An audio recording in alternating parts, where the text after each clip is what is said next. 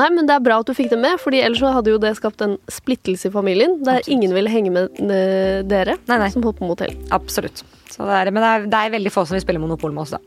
Så det er, det er liksom, Selskapsleker er Dette er interessant. Hvem vinner i mono- monopol? Det er fader meg fatter'n hver gang. Ukens gjest har eh, vokst opp sånn cirka samtidig som en av Nordens største hotellkjeder.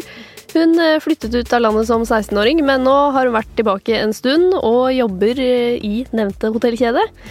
Velkommen til Voksenpoeng med meg, journalist Nora Rydne i E24. Og velkommen Emilie Stordalen, prosjektleder i Choice og deleier i eierselskapet Strawberry. Tusen takk. Er du klar for tre kjappe voksenpoeng? Veldig klar. Kjør på. Hva er det beste du har gjort for karrieren din? Eh, Jeg tror det beste jeg har gjort for karrieren min, var at jeg dro til utlandet veldig tidlig. Det gjorde at jeg eh, ble ganske selvstendig som ung, og lærte å utfordre meg selv. Hva er det beste du har investert penger i? Eh, Jeg tror det er utdannelsen min. Ikke bare fordi jeg alltid har noe å falle tilbake på, men fordi det også ga meg et veldig godt grunnlag. eh, Både når det kommer til arbeidsmetodikk, men også arbeidsmoral og hvordan man skal Ja, litt gode rutiner. Og så min favoritt, hva er det verste du har investert penger i? Uh, Den er litt vanskelig, men jeg og kjæresten min vi har akkurat kjøpt oss Vi kjøpte oss en hund for liksom å bli litt inspirert til å gå på tur i skog og mark og sånn. Og så endte vi opp med verdens lateste valp. Så det har på en måte vært en, eh, en hyggelig investering med ekstremt dårlig avkastning. Hva slags hund er det? Det er en Cockerpoo. Aha. Mm. Så det er en hund for de late. Det er en hund for Egentlig ikke, men vår er det. Ja, det, det, jeg syns det høres heldig ut, jeg, men uh, for all del. men Emilie, helt fra start. Mhm. Hva ville du bli som ung? Eh, Dette sier jeg ikke bare for å smiske med journalister når du spør, men jeg ville faktisk bli journalist. Jeg, jeg er ganske nysgjerrig av natur, og så har jeg alltid vært veldig glad i å skrive. Så eh, ja, det var det som var drømmen lenge. Ja, Hvor lenge varte det?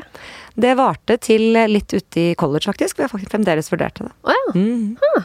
ja, for når, når endra det seg, og hva, hva falt du ned på da? Jeg gikk jo hotellfag på bacheloren min, litt for å teste.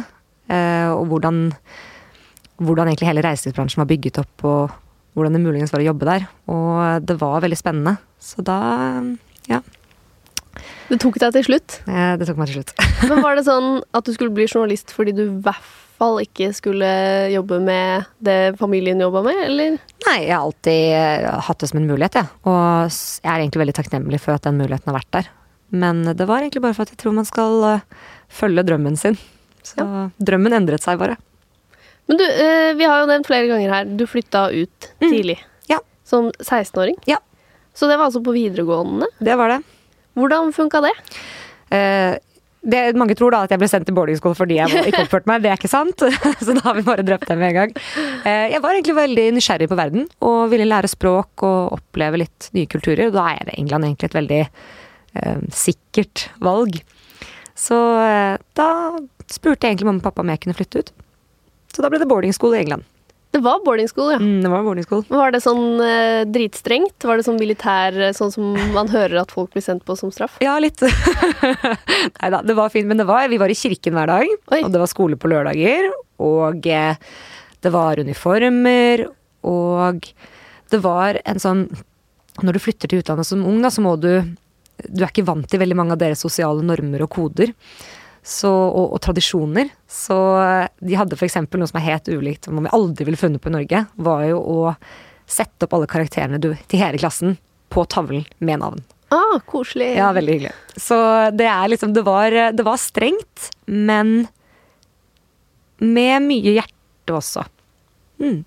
Er det Stockholm-syndromet som snakker nå, Ja, eller? 100% Jeg får mail av de hver uke. Ja, ja, sånn, They're here. Ok, men så var det Når du kom dit, var det sånn med en gang bare ah, I love it? Eh, nei, absolutt ikke. Nei. Det er overgangen når du er så ung, den er tøff. Som jeg sa, du, du, du må venne deg til helt andre ja, sosiale koder og normer og tradisjoner og ting som er kult i Norge. Eller du er god på. Det er ikke nødvendigvis det samme der. Og språket er jo en barriere. Det er um, I England på videregående så har du jo bare tre fag. Og jeg satt med ganske tunge For jeg studerte Jeg hadde økonomi, politikk og matematikk. Og fra å gå til å være ganske god på skole i Norge, så gikk jeg da fra å være ganske, til å være ganske dårlig. Så det var ikke bare fryd og gammen i starten, altså. Men du var bestemt på at du skulle bli, eller? 100% Ja, ok, Så det var ikke sånn at du ringte hjem og tryglet om å få komme tilbake? Nei, mamma tryglet om at jeg skulle komme tilbake. Ja. Men eh, jeg er ganske, jeg er ganske sta, så mm, det ble Men så gikk det veldig Du, du kommer deg til slutt inn i det. Ja. Og da var det veldig bra. Ja, Hvor lang tid tok det å liksom embrace oh, det tok noen fire-fem måneder før jeg var helt eh, Eller litt varm i trøya. ja. ja, men det er ikke så ille. Nei da. Og da var det to år der. To år der. Og så tenkte du skal faen ikke hjem. Nei, jeg har Jeg ble veldig glad i å være i utlandet. Ja. Så eh, har alltid college i USA vært en drøm. Mm. Så det, og der må du jo begynne å planlegge den prosessen ganske tidlig. Så eh, det var egentlig en drøm før jeg dro til England også. Og så var jeg heldig å, å komme inn på skole der. Og komme inn på Cornell. Ja. Det er ganske stress, er det ikke det? Eh, jo, det er det. Du må ta sånn SATs og Ja, det er en ganske omfattende prosess med de skole, alle skolene i USA egentlig nå. Det er mm. på godt og vondt. Det er, ja, du må ta SATs, og du må skrive lange essays, og du må inn på intervjuer, og du må ta aptitude tests, og du Oi. må sende inn karakterer. Ja, ja. attitude test. Ja, det er litt sånn Så eh, du må sende inn referanse fra arbeidsgiver som du har jobbet hos, så det er eh, ganske Det er ganske heavy. Men det må ha vært litt stort å komme inn? Det, det var helt fantastisk. Det var, det var noe jeg jobbet for da, lenge. Så for en 20-åring så var det fantastisk. Men da var det ikke noe stor overgang å komme dit? Det var mye lettere. Ja, Så den, for den overgangen hadde jeg på en måte tatt to år tidligere. ikke sant? Så da satt språket litt bedre, og jeg hadde på en måte lært meg um, hvordan man skulle når, man, begynner litt på nederst på rangstigen, den sosiale rangstigen hvordan du skal, Og være litt mer åpen også til mennesker du ikke nødvendigvis har blitt kjent med før. og ja, Hadde lært litt om meg selv, og hvordan man skal omgås folk fra andre kulturer. og For Cornell er i New York State. New York State. Ja. Nesten på grensen til Canada. Oppe i skogen. Ikke sant? Måtte du bo sånn eh, helt sånn college-stil med en annen på rommet? Eh, Vi bodde fire. Fire på et rom? Mm. Og så flyttet jeg sorority. Da bodde vi 20 jenter i et hus. Ja, jeg kjørte ordentlig college. Hæ, var du i sorority? Jeg var i sorority. Delta Gamma. Delta Gamma. Delta Gamma. Ok, nå ble jeg veldig nysgjerrig. Ja. Hvordan funker det? Akkurat som du ser på film. Seriøst? Ja, ja. 100%. Måtte du, ble du heisa og sånn? Eh, det er ikke lov lenger. For det har jo vært ganske sånn mye som har skjedd på college. Men du blir sånn mini-heiset. Ok. Og men jentehusene er mye snillere enn guttehusene. Men det er eh, røde kopper, og det er bear pong, og det er eh, gensere med logo, og ja, det er ball og prom og ja. Og så deler man liksom hus. 20 jenter. Hva er poenget med sorority? Og hva er fraternity? Mm. Det er, det er et veldig merkelig fenomen, men det er jo Du blir jo satt sammen med en gjeng som du har litt forutsetninger for å komme overens med. For der også er det intervjuer, og selv om det er veldig forskjellige typer mennesker Vi var jo altså jenter fra alle forskjellige studieretninger, og det var liksom Jeg bodde med en ingeniør. Um, men det var bare et, et sånt En måte å komme seg inn i Eller for organisere for Cornell er stort. Det er 20 000 studenter her. Så det er på en måte å gjøre universitetsopplevelsen litt mindre. Og ja. Og så var det helt Det var på en måte en sånn støtteapparat som jeg aldri har opplevd tidligere. Det var liksom Folk hjalp deg med så mye og var så eh, jeg, Du fikk jobbintervju senere der Ja. Det var en veldig sånn Ikke bare for det sosiale, men det akademiske også det smarteste jeg har gjort. Ja, var det det? Mm. Ja, fordi du fikk hjelp av andre studenter Ja, som bodde liksom, der, Ja, og de som hadde tatt eh, faget før, hjalp meg, og folk eh, fikset internships til deg, og det var liksom et veldig sånn Ja, ikke den kanskje catty stemningen som man er vant til at jenter kanskje innimellom har, litt sånn konkurransepreget. Ja, ja. Så det var um, fint. Tøft. Men hvor kom den ideen fra? For er det sånn at alle er med i sororities, eller? Nei, men de har en ganske sterk kultur for det. Ja. Og jeg tenker når jeg først er i USA, så kan jeg liksom kjøre løpet helt ut. Ja, ja, virkelig. Ja, så vennene mine hjemme satt jo bare 'herregud, er hun blitt Nå har det klikka. sånn. Det er gøy. Ja. Men det, det var ikke sånn at du, du ville liksom ha den fulle opplevelsen. Det var ikke sånn at du tenkte ok, men jeg har jo råd til å bo alene. Mm. Hvorfor skal jeg dele rom med fire andre, og så flytte inn i et hus med 20 andre? Nei, men jeg tror du går glipp av så mye, og du, du, gjør deg selv en bjørnetjeneste. Jeg er jo ekstremt glad i mennesker. Det er eh, det beste jeg vet, og jeg tror alle har ekstremt godt av å bli kjent med mennesker fra forskjellige kulturer og uh, fra forskjellige eh, Hva skal jeg si deler av samfunnet. Og det var nok det beste med hele den amerikanske college-opplevelsen. Er at det er så ekstremt um, Det er så enormt mangfold. Og ikke bare lærer du om hvordan vi kanskje ser på verden, men du lærer også på hvordan andre i verden ser på deg, og hvordan vi er, har det i Skandinavia, og ting som vi kanskje tar for gitt, som er bra eller dårlig. Mm. Så du likte faktisk å dele rom med fire andre? Eh, det holdt deg et år. Ja. Så kan du flytte, fikk jeg mitt eget rom, og det var ganske deilig. Greide dere fortsatt å være venner da, ja, dere fire? Ja, det høres ut som en sånn ekstrem Ja, det er vel litt som å være militære, nesten. Ja, sikkert. En sånn jentete versjon av militæret. Ja. Amerikansk lytteversjon av militæret. For du vurderte ikke militæret, siden du allerede likte den delen her? Nei, da, det gjorde jeg ikke. jeg hadde sikkert trivdes. Og så bytta du altså eh, universitet når du skulle ta master? Ja. Til det var Imperial College i London. Ja, da var det tilbake til England. Da var jeg tilbake til England. Uh, litt nærmere hjemme. USA er fantastisk, og jeg kunne sikkert blitt der i mange år. Um, men så har jeg, jeg har alltid vært veldig glad i Norge, og syns det var hyggelig å kunne dra hjem litt oftere. Um, så har, liker jeg også masterprogrammene i England, for de er ettårige. Ja. Og du, har, du får en sånn arbeid istedenfor å skrive masteroppgave på veldig mange av de nå, så jobber du heller med et firma. Mm. Så, og jeg liker egentlig den, den måten de studiene er bygget opp på.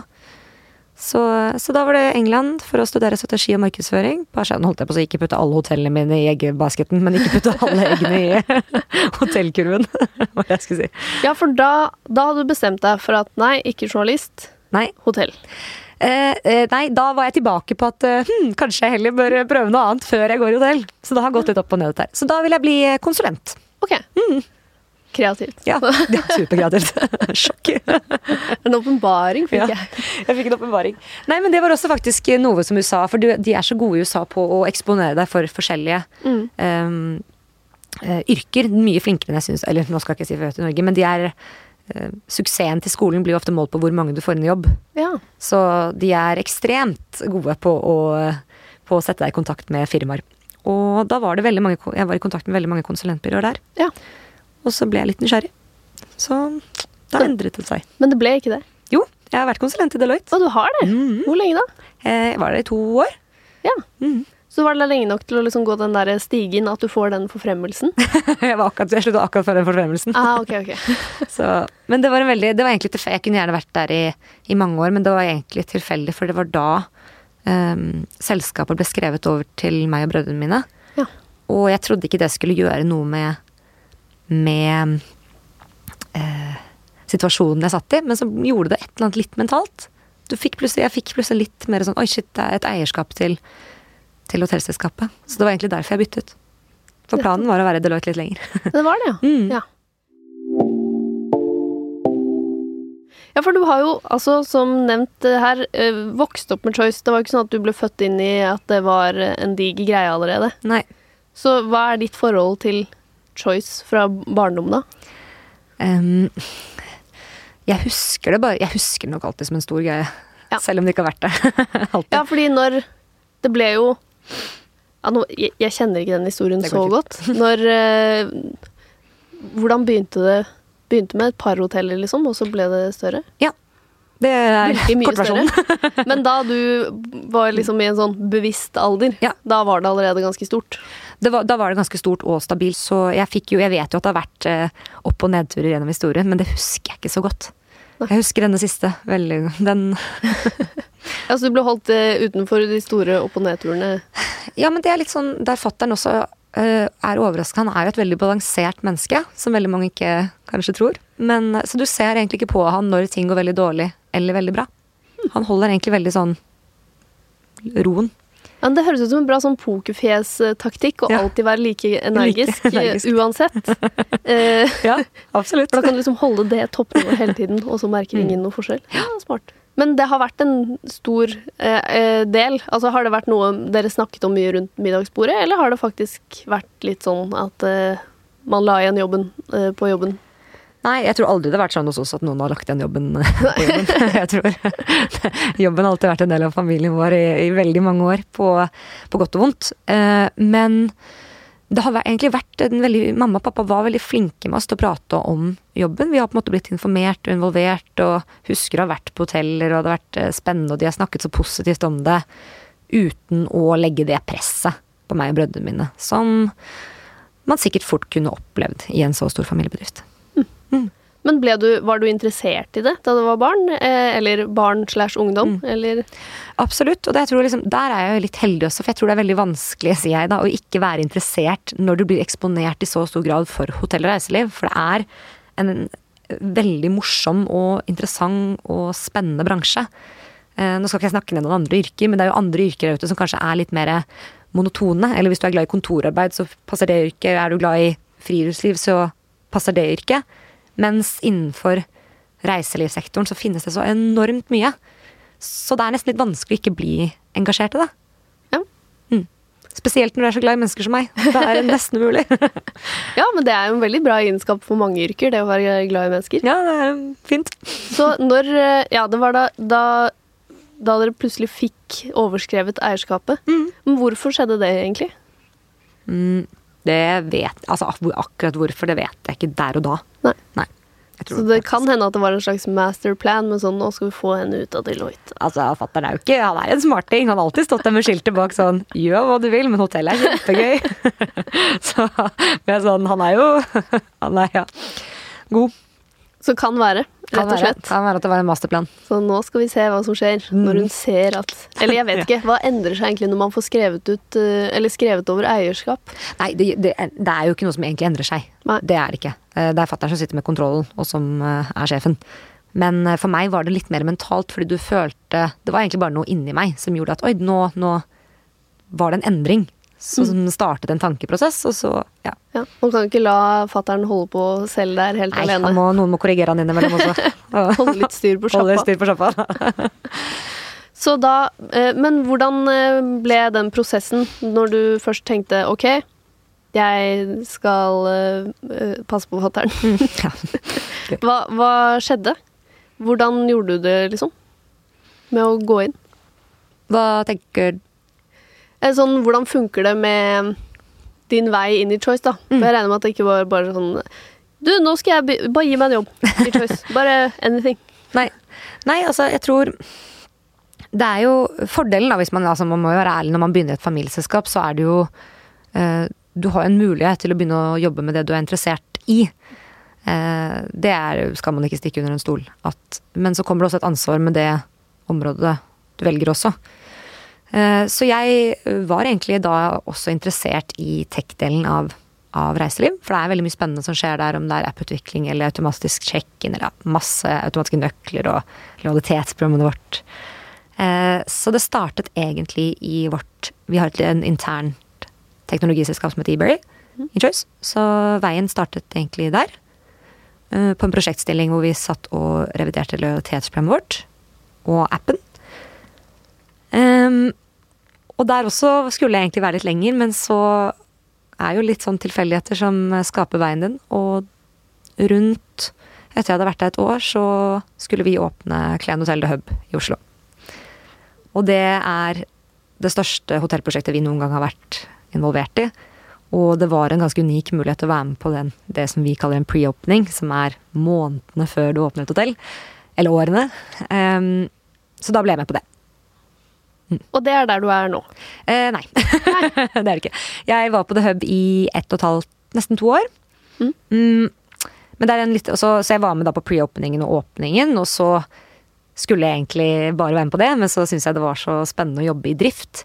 Så jeg ble et år på hotellet og jobbet når det faktisk driftes. Ah. Eh, og så gikk jeg over til der jeg er nå, som er å jobbe med, med andre nyåpninger. Ja, nettopp. Så nå bare liksom er du med på nyåpning, og så Ja. er det over til neste nyåpning. Yes. Og så ser jeg på Instagram at du bærer Du, du er med å liksom sette ting på plass på rom og hele Ja, pakka. det er liksom en del av eh, en del av pakken. Vi er et lite team som jobber nå med alle. Eh, Vi har jo 22 kontrakterte hotellprosjekter som skal åpnes. Og det er jo prosjekter som har vært Det høres jo veldig spesielt ut å åpne hoteller i korona, men dette er jo prosjekter som har blitt kontraktert for tre-fire år siden. Ja. Som vi må åpne. Um, og da er jeg veldig heldig som sitter i et team som jobber med alle disse.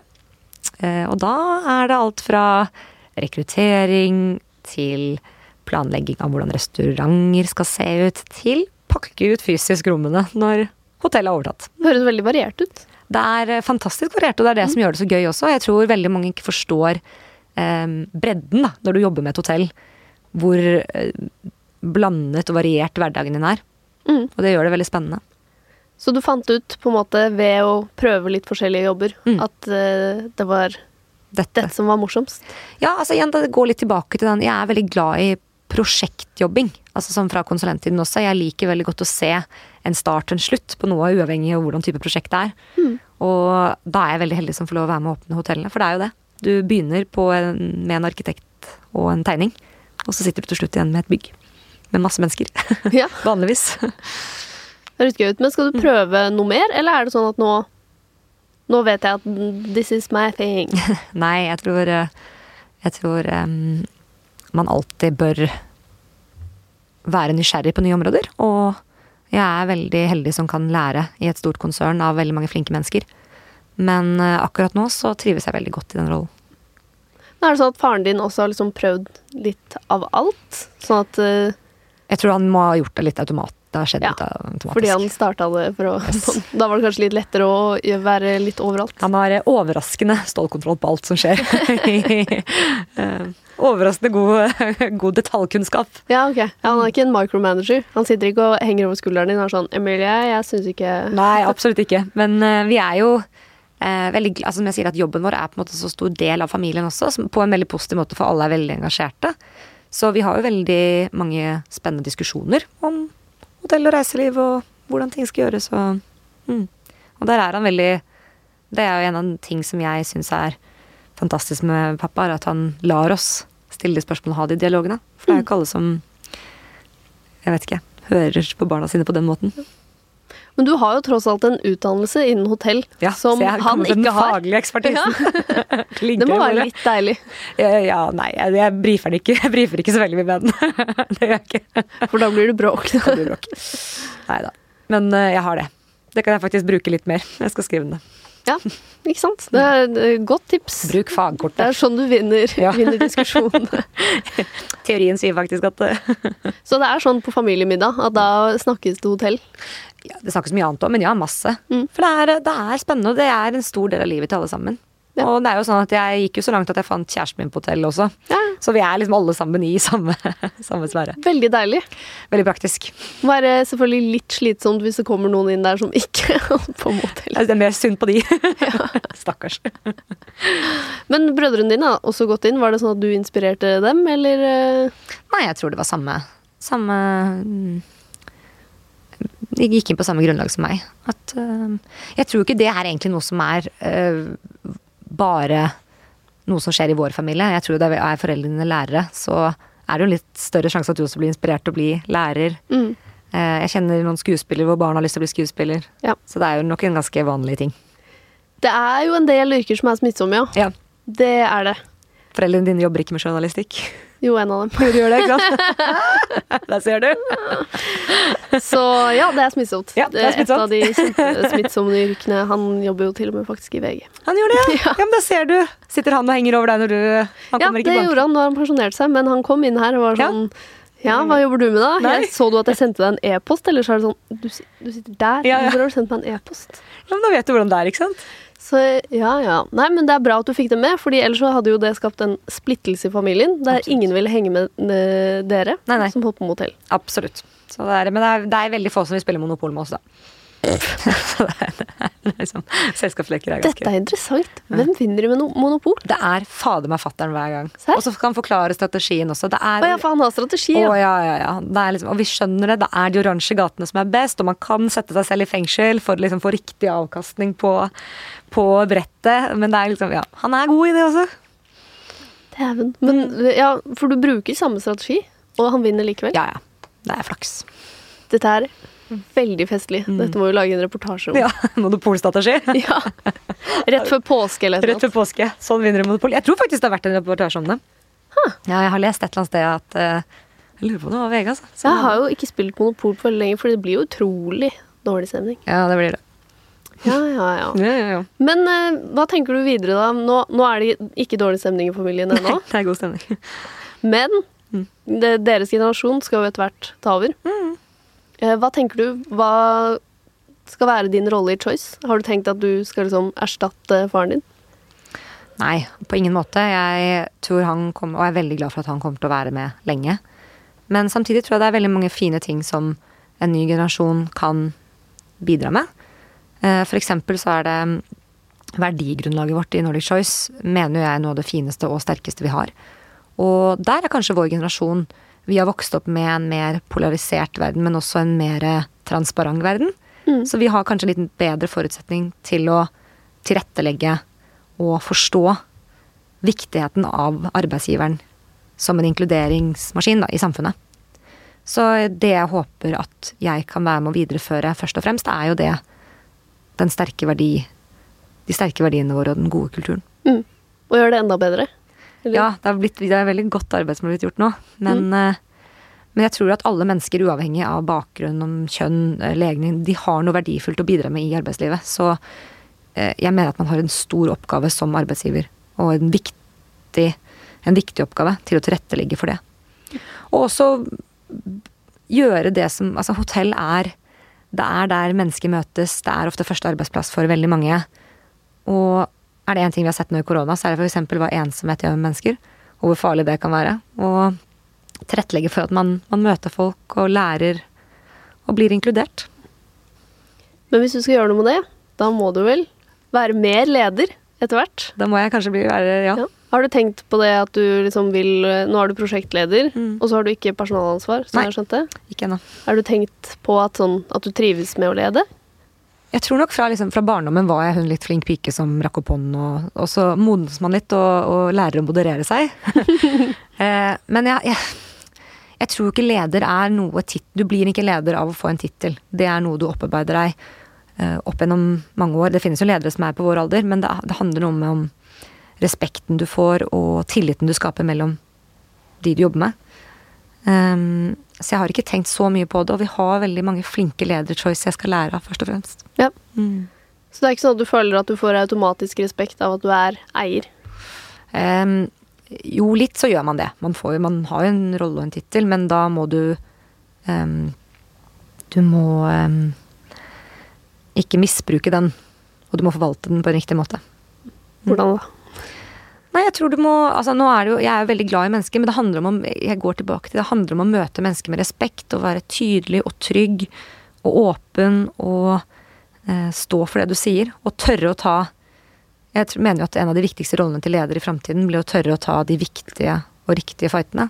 Og det håper jeg også at jeg kan bidra med. Men du har jo blitt prosjektleder som ganske ung, Mm. så da Du har et visst talent, eller? Ni- Du, kan ikke spørre meg om det. det blir jo teit. Du har ikke blitt kasta ut ennå, i hvert fall. Nei da, men jeg trives veldig i den rollen. Og jeg syns det var gøy når jeg var i Deloitte. Jeg har syntes det var gøy å være gruppeleder når jeg er på skolen, så det er ikke noe eh, Jeg er ikke av natur noe stille, stille og um, Hva skal jeg si nervøs person. Nei, du har litt sånn naturlig autoritet, kanskje? Eh, Jeg, jeg vet at dette er ukomfortabelt svar ja ja, på, men typisk liksom Nei, ikke naturlig autoritet. Men jeg er eh, blitt mye tryggere og bedre i meg selv, og så tror jeg også at eh, jeg er veldig åpen for å lære, og, det, og ærlig med at det er der veien min er nå. har du oppdaget noen svakheter da, som du må jobbe spesifikt med videre? Eh, ja, jeg er eh, Jeg kan fort bli veldig distré. Okay. Og det er en, når man har mye å tenke på. Så, og det er en familiesvakhet. Når skylappene går på, så er det veldig lite annet som, eh, som kommer inn. Ok, så du må ha sånn skrevet ned alt og Jeg må ha skrevet ned alt. Og Ja. det er sånn at man kan stille et spørsmål, og så Eller jeg kan stille noen spørsmål, og så faller det inn en annen tanke. Og så glemmer jeg å svare, altså får jeg et svar, og så Ja. Så det, og det er en veldig, veldig dårlig egenskap. Okay. Men eh, det, den er der. Så den må man jobbe aktivt med. Mm. Har du fått noe Er det noe dere snakker om hjemme? Ledelse? Er det sånn at du har eh, fått lære noe av eh, faren din der? Nei, vi snakker om, eh, vi snakker om ikke ledelse, vi snakker om hvordan man skal behandle andre mennesker. Og hvordan vi skal være som personer og mot andre. Dette er jo et spørsmål jeg stiller ganske mange gjester, og det er eh, en glede å få stille deg det òg. hva slags eh, leder du er. Mm. På en skala liksom fra null til Petter Stordalen. Gjør det? Ja. Det er gøy. Hmm. Eh, jeg er nok en god femmer. Men så er jo sikkert mitt, min skala også litt eh, annerledes. Ja, den er off, så det er en åtter. Det er en åtter. ja, det er akkurat det. Så en vanlig verden åtter i forhold til han hjemme fem. Nei, jeg er nok en femmer. Ja. Fem, ah, fem-seks. Ja, så den derre Den uh, showmanship-effekten, Mm. vil du ha den? Kommer det til å bli konfetti og pyro? Nei, det, det holder med én som holder på med konfetti og pyro. Det, det tror jeg hele Norge syns er greit. At vi holder, det holder med han. Så lar vi han styre med det. Eh, Men energien og engasjementet og det ektefølte kjærligheten for det du driver med, den er jo noe man har lyst til å ta med. Og, og vi er jo glad i å Herregud, vi er jo med utover alle vi som familie, og det er jo en morsom gjeng. Så er, energinivået er på plass. Så du blir ikke lei? Det er ikke sånn Kan du, kan, kan du ha litt mindre pyro nå? Jo, men jeg bare, det er akseptert. Hold på. Driv med pyro.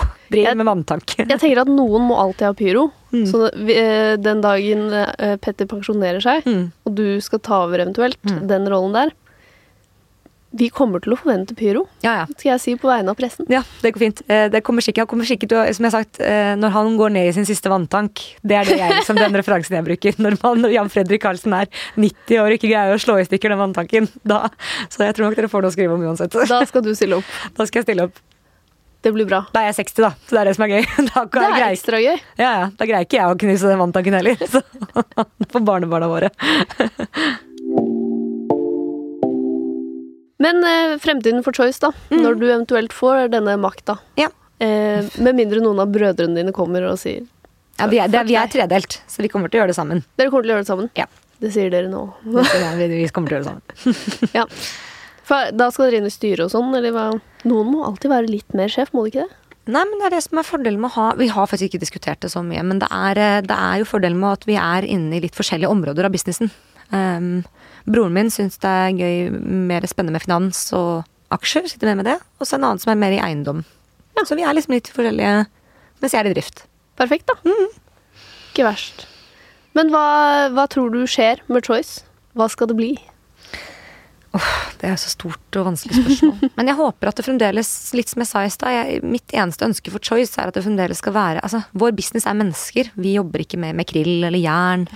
Eh, og jeg håper at det alltid kommer til å være en, en inkluderende og viktig arbeidsplass i samfunnet eh, som tar den rollen på største alvor. Mm. Og et flott sted for mennesker å møtes og ha konferanser og fester og bryllup og begravelser og hva enn det skal være. Ja. Mm. ja, fordi det ble jo litt satt stopp for med korona. Absolutt. Hva skjedde da? For da var du Da jobbet du med openings. Da um, Det var faktisk uh, akkurat når jeg var ferdig på The Hub, så skulle jeg da egentlig inn på uh, litt vårt neste prosjekt, men jeg skulle også begynne å uh, jobbe litt mer i salgsavdelingen vår. Men det er klart, og dette var vel rundt eh, 12. mars i fjor. Så jeg begynte i salgsavdelingen 12. mars, og så sluttet jeg i salgsavdelingen 20. mars. For da var det ingenting igjen å selge. Bra! Mm. Men skal du tilbake til salg når det er over, eller? Nei, jeg tror eh, korona har nok gjort noe med, med hvordan jeg ser på reisen og hva som er Altså, salg er veldig viktig, men vi Man vet liksom ikke helt når man er ferdig med denne perioden. Så jeg eh, Det er en læringsreise, det som foregår nå. Og eh, jeg får være med og se hvordan veldig mange av våre flinkere ledere håndterer denne krisen. Samtidig som jeg er heldig og kan være med på prosjektdelen av våre hoteller òg. Så enn så lenge så er det veldig, veldig et bra sted å være. Mm. Ja, for hvordan var det når du var Det må ha vært en litt sånn crash-kurs i ledelse. Eh, Ja. og plutselig får den over seg sånn Ja, du er jo prosjektleder, men som eier så blir du jo på en måte også en overordnet leder. Hva, hva skjedde da korona traff? Nei, altså jeg, jeg, jeg tror nok jeg samlet alle voksenpoengene mine på det siste året. Ja. For å si det på en veldig enkel måte. Men det er, det er rett surrealistisk fordi eh, som jeg har nevnt, så er businessen en så stor Eller Nordic Choice Hotels er en så stor del av vår identitet. Så du får, når det, en endring som dette skjer, så, så, så blir egentlig hele identiteten din litt røsket opp i, og du må Du ser den mørke, brutale siden av business på en, på en ganske hard måte. Så, så det har vært et, eh, et intenst og lærerikt år. Men som sagt så er vi veldig eh, Vi har helt fantastiske Jeg har helt fantastiske kolleger. Og, noen fantastiske ledere som har virkelig stått i stormen, som jeg har lært av. Så det har vært um, mm. Men brutalt. Rett og slett. Mm. Hvordan tok dere det? Var det Hvordan var stemningen i Stordalen-huset da? Eh, altså, du har en enorm Som sagt, vi jobber med mennesker, og ikke krill eller jern. Altså, det er, det er mange menneskers skjebner, og det er mange utsatte i systemet vårt som Eller hva skal man si? Det er mennesker som, som eh, kommer fra mer utsatte deler av samfunnet, som, hvor jobben betyr Det betyr jo mye for alle, men hvor det kanskje betyr enda mer. Og som alle kriser så går det ofte hardest utover de som kanskje har minst. Og det er klart at når du sitter i en situasjon hvor du nærmer deg opp mot 8000 permitterte, så er det en enormt trykket stemning hjemme. Hvordan håndterer man det, da? Som ledere og som eiere og Jeg tror eh, det viktigste vi har lært oss, er jo egentlig at du eh, Vi har jo hatt en veldig god kultur før krisen, og man bygger god kultur i gode år, men man høster. Det er helt avgjørende eh, med god kultur i dårlige tider. Så du håndterer det egentlig med å eh, legge en god plan og prate godt med de nærmeste kollegene dine. Og så ser man at eh, man må ta noen brutale valg tidlig. Du må trekke i nødbremsen tidlig. Du må kommunisere mye. Du må jobbe med deg selv, så ikke du blir kynisk. Og, eh, for du kan bli ganske, man kan bli ganske eh, tynget og alvorlig og Ikke bitter, men du kan bli litt Du, du leter etter noen å skylde på. Mm.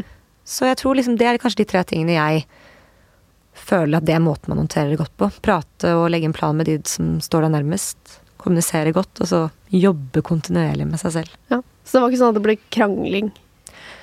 Overhodet ikke. Du er så fokusert på det, de problemene du skal løse, at det er nesten litt sånn alt annet blir uviktig, og så må man bare gå forover. Så er det jo Altså, vi har jo ikke gjort på langt nær så mye som det fattern har stått i. Jeg har jo alltid sagt at jeg har vært stolt av han, men jeg har aldri vært så stolt av han som det jeg var i fjor. For det han gikk gjennom, det tror jeg veldig få hadde greid. Ja. Hva var det du ble stolt av? Altså hvordan han løste det? Ja, og hvor systematisk og um, kaldt han greier å holde hodet. Selv om han har et enormt stort hjerte for alle rundt seg, så er det lett å Fordi alle er så avhengig av deg. Um, hvor tidlig han så alvoret i situasjonen, hvor hardt han har jobbet, hvor fokusert han har vært.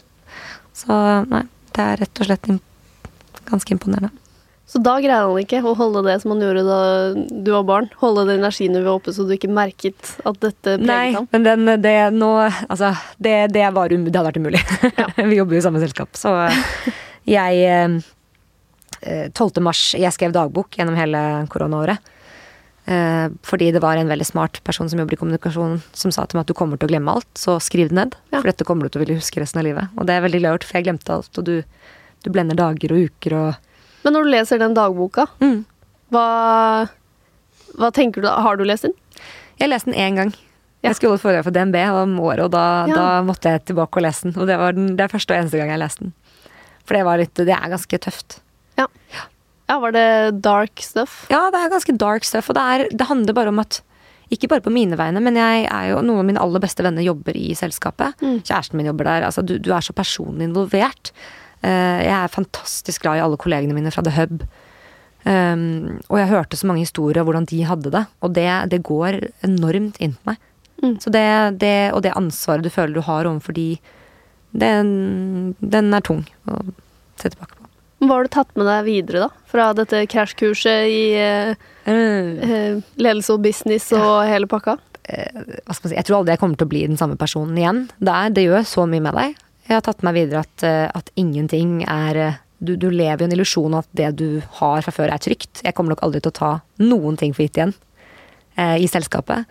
Eh, ingen ansatte, ingen eh, Det har jeg ikke gjort heller, men, men det, det er nok det jeg jeg, jeg kommer til å gå eh, inn i alle, om det er kriser eller gode tider, med bevisstheten om at alt kan, alt kan skje. Mm. Hva tenker du fra, har, har korona endret liksom hvordan du tenker på hvordan Choice skal bli i fremtiden? Dere har jo hatt mye fokus på eh, mangfoldsarbeid Mm. og en del på klima. Mm. Hva, hva tenker du om de temaene? Er det liksom ting dere kommer til å eh, jobbe med også i fremtiden, eller kommer det til å være andre ting som har vist seg å være viktigere, eller Nei, jeg tror det kommer til å være viktigere enn noen gang. Litt som jeg sa før, at mangfoldsdelen, fordi at eh, hoteller ofte er Det er en så viktig del av samfunnet. Det er veldig mange som får sin første arbeidsplass via hoteller i veldig mange byer. Enten du eh, kommer fra et annet land, hvis du ikke snakker språket, hvis du mangler utdanning. Eh, hvis du av en eller annen måte har et problem med å komme deg inn i arbeidslivet, så er det en flott inngangsportal for veldig mange. Og den rollen i samfunnet tror jeg kommer til å bli viktigere enn noen gang. Eh, jeg tror det å skape et samhold, eh, passe på at folk ikke er ensomme, eh, skape arenaer hvor man kan være sammen, kommer til å bli enormt viktig. Mm. Eh, klima, absolutt. Like mye som det har vært før. Eh, bærekraft, mat, matsvinn. Vi har en eh, spalte her i podkasten. Tabbespalta. Overraskelsesspalten som du ikke Ja. sa til meg i forkant. Den glemte jeg å informere om. Tilfeldigvis. Vi liker å overrumple folk med den. Vi er masse tabber, så det går fint. Hva er den største tabben du har gjort i karrieren? Jeg tror den største tabben jeg har gjort eh, Nå er jo ikke karrieren min så lang, men, men det jeg har gjort, er at jeg oppnår alltid de beste resultatene mine når jeg er tro mot meg selv og magefølelsen, og ikke gjør det andre forventer av meg.